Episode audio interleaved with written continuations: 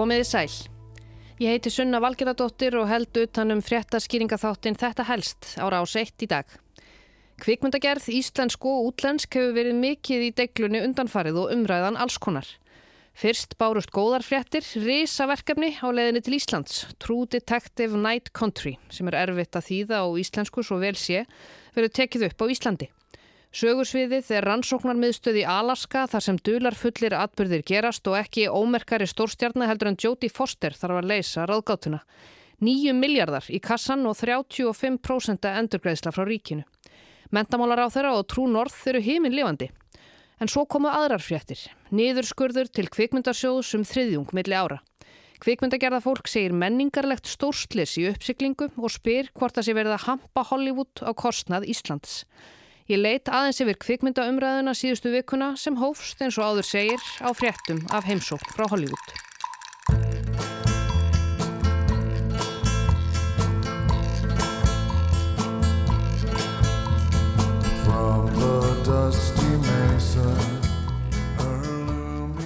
Fyrsta þáttaröð True Detective með þeim Matthew McConaughey og Woody Harrelson í aðalhutverkum kom út 2014 og fór sigur förum heiminn. Þættirnir komu úr smiðju HBO og skrifaðir af Suðuríkjamanninum og rithöfundunum Nick Pizzolatto. Þarna var eitthvað komið sem hafði ekki sérst áður en var þó ekki alveg ókunnugt.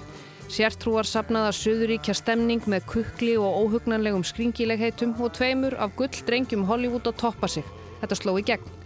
Óhugnanlegur undirtótnin og heimsbyggilegar vangaveltur virtust ná til pöpulsins en auðvitað er True Detective bara í grunninn ekkert annað en góð og gild gamaldags morðgáta. McConaughey og Harrelson voru báðir tilnemdi til Golden Globe og Emmy-veluna fyrir tólkun sína á rannsóknarlaurugumönunum tveimur. Leikstjórin, höfundurinn og allir sem komuð að verkinu hlutu verðskuldað lof fyrir útkomuna og það var auðvitað ekkert annað í stöðunni en gera þáttaröð númer 2. Það voru þeir Colin Farrell og Vince Vaughn sem hlutu þann heiður að feta í fótspór kollega sinna. Nýtt True Detective teimi en seria nr. 2 hún floppaði, eiginlega minnstakosti með við þá fyrstu. Sögursviðið þarna var Kalifornia og fjallaði um spillingu í pólitíkinni en ekki dularfull trúarbræða tengd morð í Suðuríkjónum eins og í fyrstu seríunni. Og því hefur líklega verið ákveð að færa sig aftur í þær rætur því þriðja serían sem kom frá HBO höstu 2017 fjallar einmitt að einhverju leiti um svoleiði sluti.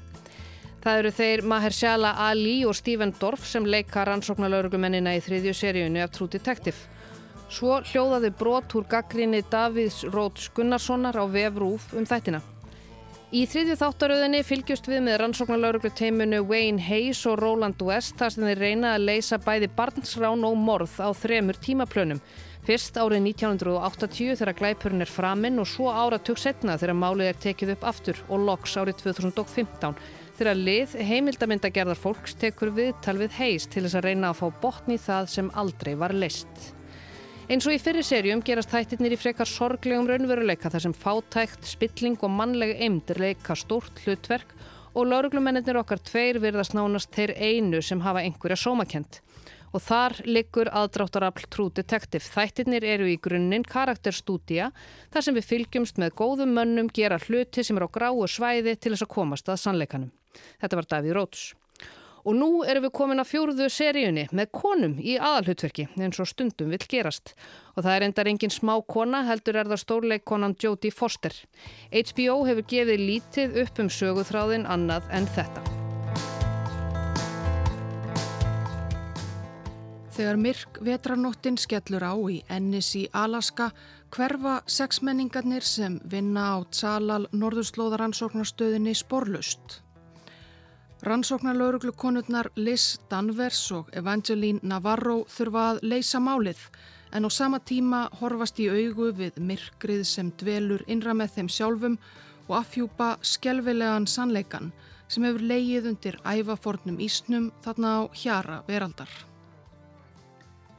Forsterleikur sem sé Liz Danvers og Kali Rís félaga hennar Navarro. True Detective Night Country verður leikstýrt af Isu López og þessi myrka vetrarnótt í Alaska verður reyndar alls ekki í Alaska, heldur á Íslandi.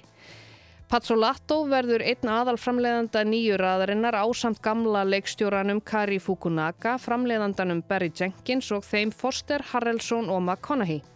Fregnir af þessu bárust hingað í sumar þar að segja að serían verður tekin upp á Íslandi. En svo átti eftir að koma í ljós að þetta á eftir að verða umfangsmesta og stærsta kvikmyndaverkefni Ísland sögunar og þar er af nægu að taka. Tökurnar eiga hefjast í oktober og samkvæmt plani þá eiga þeir að standa yfir í nýju mánuði sem telst óvenju langur tími. Tökur á fyrstu seríunni stóðu yfir í um þrjá mánuði og þriðja þáttaröðin tókum sex mánuði og til að setja umfang þáttaraðarinnar í samhengi var næst stærsta verkefnið á Íslandi til þessa framleiðslan á Fast 8 sem er hluti af Fast and the Furious myndunum og hún var skotin við Mývatn. Framleiðslu kostnaðurinn við hana namn 2,5 miljardi og fekk verkefnið endurgreitan kostnað upp á halvan miljard. Lilja Dögg Alfredsdóttir, menningar og viðskiptar á þeirra leiti á dögunum sendi nefnd á vegum Íslandstofu og útón til Los Angeles og fundaði með fulltrúum Warner og annara myndvera. Markmið ferðarinnar var að kynna Ísland sem áfangast að sköpunar, kynna íslenska menningu og hvetja til erlendrar fjárfestingar í skapandi greinum á Íslandi. Og beti nú, samkvæmt nýjustu fréttum kemur True Detective Night Country með nýju miljardar íslenskra króna inn í hagkerfið og það er ekkert smá, þetta er eins og hálf valaheðargöng. Við gætum greitt upp allar COVID-skimanirnur okkar með þessu, þær kostuðu ríkið einmitt nýju miljardar. En framleiðendur eiga líka rétt á endurgreðslu, 35% af framleiðslu kostnæðinum, en það var áður 25% en var nýlega hækkað. True Detective kemur úr smiðu HBO Max streymisveitunar og verður ekki aðgengileg Íslandingum fyrir en árið 2024. En þetta er ekki í fyrsta sinn sem HBO veðir á Ísland því að fjölmörg atriði í Game of Thrones voru tekin upp hér á landi eftirminnilega.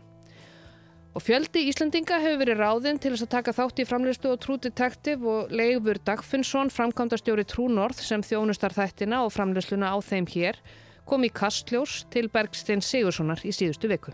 Ég myndi segja að þetta sé svona tífalt við það sem er vennilega sem við erum að, að handla. Það er að segja að, að, að yðurlega erum að mynda verkefni sem taka viku til tíu daga að meðatali Eh, kannski sko, fjárhásáallin þar er kannski í kringum 500 miljónum til 1 miljardur mm. um, en við sjáum núna að, að þú ferð upp í 100 tökur daga 5-6 mánu uh, tökur tímanbíl að þá fylgir því já, peningur og ellendur gældur upp á 9 miljardar. Já, hér eru hingaður um að koma 100 manna Sko, í svona lengri verkefnum þá er meiri þörf á íslensku vinnuafli. Þannig að í þessu tilfelli, í staðin fyrir að komi hérna í skammatíma 250 manns frá útlöndum og við jöfnum það með 250 manns frá Íslandi, að þá erum við að horfa á núna í svona verkefnum að, að við erum að skapa 200-400 störf, íslensk störf og kannski útlýtingar á bylni 40-50 sem eru að koma. Hann segir hækkun endurgreðslunar upp í 35% skipta öllu máli fyrir svona verkefni. Og hérna ég vil bara þakka og nota tækjaverð að þakka stjórnvöldum og Lilja Alfredsdóttur í þeim efnu hvað þau stóðu sér frábælega að kveikja á þessu og sína þessu skilning vegna þess að þetta, er, þetta gjör breytir í rauninni innan í heilsinni. Saði Leifur Dagfinnsson í Kastljósi, vonum sáttur enda fyrirtækið hans að fá risa vaksið verkefni í hendurnar. En það er ekki öll í bransanum jafn ánæð með ákvarðanir mentamálaráðunitisins og ráðherrans undanfarið. Í nýlegu fjárlega frumvarpi ríkistjórnarinnar er gert ráð fyrir töluverðum niðurskurði á framlögum til kvikmyndagerðar og þá verist ekki gert ráð fyrir mikið fleiri endurgreðslum á næsta ári. Kvikmyndasjóður veitir styrki til handritskerðar, verkefna þróunar og framleiðslu íslenska kvikmynda og kynninga á þeim. Hlutverk sjóðsins er að ebla íslenska kvikmyndagerð með fjárhagslegum stuðningi. Kvikmyndamiðstöð Íslands sendi frá sér tilkynningu í loksíðustu viku þegar fjárlagafrömmverfið var komið fram þar sem stóð að fjárheimild kvikmyndamiðstöðvar og kvikmyndasjóðs um tæpan halvan miljard milli ára sem er niðurskurður um tæp 30% samanborið við framlög 2022. Þetta er sagt ganga þvert á kvikmyndastefnu fyrir árin 2020 til 30 og þá segir sömu leiðis að fyrir fáunum dögum hafi menningarmálar á þeirra kynnt True Detective verkefnið með 9 miljardar krónutölunni. Hinn nýframkomna og skilir það 35% endurgreðsla af þeirri upphæð nefnur 3 miljardum og 150 miljónum króna. Í fjárlega frumvarpinu er gert ráð fyrir að endurgreiðslur vegna kvikmyndagerðar verði 1,7 miljardur króna á næsta ári og ljóst er að skilirðin varandi 35% endurgreiðslu eru miðuð við stærri verkefni eða verkefni sem að kosta yfir 350 miljónir. En meiri hluti innlendra kvikmyndaverkefna nær ekki að uppfylla þessi skilirði og verða því áfram í 25% endurgreiðslunni. En heimildir Klapptrés sem er vefur sem fjallar um kvikmyndagerð og kvikmyndir á Íslandi Herma að kvikmyndaframleiðendum sé tjáð þessa dagana að fjármagn vegna endurgreðsluna 2022 sé upp urið og greiðslur verði að býða. Óvisa ríkir um hvenar greiðslur verði yntar af hendi og fylgir að ímsir séu að lenda í auka kostnaði og tilherrandi vandræðum vegna þessa. Þetta skrifaði Áskrimur Sverrisson sem heldur út til klapptrið. Hilmar Sigursson, forstjóri Sagafilm, var til viðtals í lestinni á Rás 1 í lók síðustu viku þar sem hann sagði menningarlegt stórslis í aðsíi varðandi framlög ríkisins til íslenskrar kvikmyndagerðar. Hann bendi á að 2020 hafi verið lögð fram ítarleg og metnaðarfull kvikmyndastefna sem átti að gilda til tíu ára og það áttu að vera 400 miljónur á ári þar. En hún hafi bara einfallega glemst þegar einhver fór að fykta í fjárlögunum.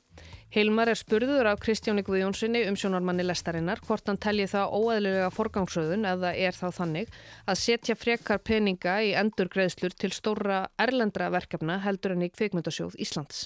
Það sem er óæðilegt í þessu er að skera niður kvikmyndasjóð ef það hefur verið að nota fórsenduna að það sé verið að auka í endurgreðslunar og gera það án þess að eiga nokkuð samráði að samtal við greinina, það er óæðilegt.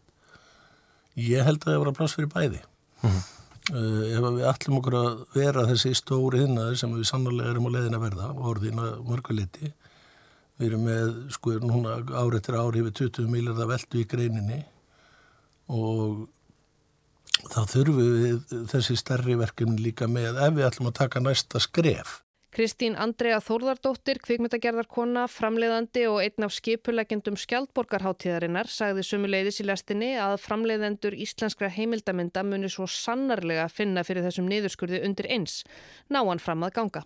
Mér finnst alveg mjög sérstatt og verðt ver að taka fram að, að einmitt eh, eina megin ástæðan þess að þessi kvikmyndastöfna var sett fram var til að styrkja samkjörnsstöðu greinarinnar, eh, gagvart bara er alþjóðlegu samfélagi og það sem ég fagnaði svo mikið í uh, þessari aukningu sem var þegar komin fram var til að mynda uh, bara mikill og aukin stuðningur við heimildamöndafæði. Þau sagðist bæði trúa því að niðurskurðurinn verði endurskoðaður að þetta séu einfallega mistök sem verði leiðrétt. Kvikmyndaleikstjóratnir Ragnar Bragarsson og Reynir Lingdal voru báðir harðorðir í fæslum sínum á Facebook um niðurskurðin. Ragnar sagði að með þessu væri verið að ráðast að grunnstóðunum og kvikmyndasjóði slátrað. Þar fuku hinn fagru fyrirheit þvert á eigin stefnu núverandi stjórnvalda og kvikmyndavetur í uppsiklingu. Ef framfer sem horfir dapurlegt menningarslið sem kallast á við tímabilið eftir hrun, skrifaði Ragnar. Reynir skrifaði, nei, nú held ég að ráðamenn séu eitthvað að rugglast.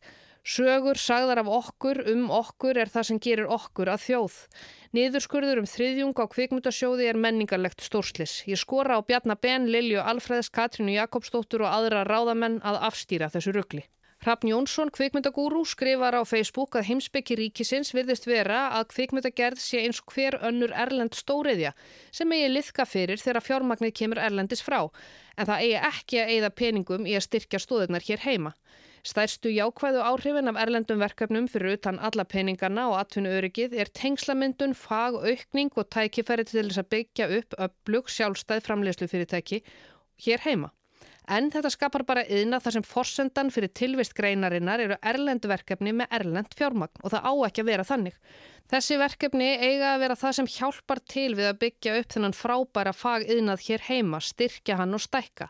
En ef að frum forsenda kvikmyndaframlýslu hér heima á að vera innflutningur á erlendum verkefnum og kostna þess sem gertir hér, þá er þetta komið á miklar villigötur, skrifar Hrafn Jónsson. Ragnar Bragarsson sagði í sjónvarsfréttum fyrir helgi við urði örlygstóttur fréttamann að Ísland verði af tveimur stórum íslenskum kvikmyndaverkefnum á næsta ári bara vegna þessa niðurskurðar. Það lítur þannig út í fjárlögunum að, að það sé verið að fjármagna þessa 35% uh, aukningu í endurgreðslum með niðurskurði á kveikmyndasjóði. Ragnar segir að endurgreðslan gagnast fyrst og fremst erlendum þjónustuverkefnum sem komi ekki í staðin fyrir íslenska kvikmyndagerð. Hann hefur ekki ágjur af því að trúti takti verkefnið komi í veg fyrir að hægt verða að sinna öðrum íslenskum kvikmyndaverkefnum meðan á tökum þess stendur. Hægt sé að halda út í fleirum stórum verkefnum á sama tíma. Verði raunin svo að skóri verði verulega niður til kvikmyndasjós sé það menningarslis. Ég hef meiri áhyggjur af því hvernig Íslands kvikmyndagerð lítur út eftir 1, 2, 3 ár ef þessi niðurskur á sér stað. Nú er þing komið saman eftir sumafrí og það er aldrei að vita nefnum þetta rati þangað. Staða kvikmyndaframlegslu á Íslandi var helst í dag. Takk fyrir að leggja við hlustir og við heyrumst aftur á morgun.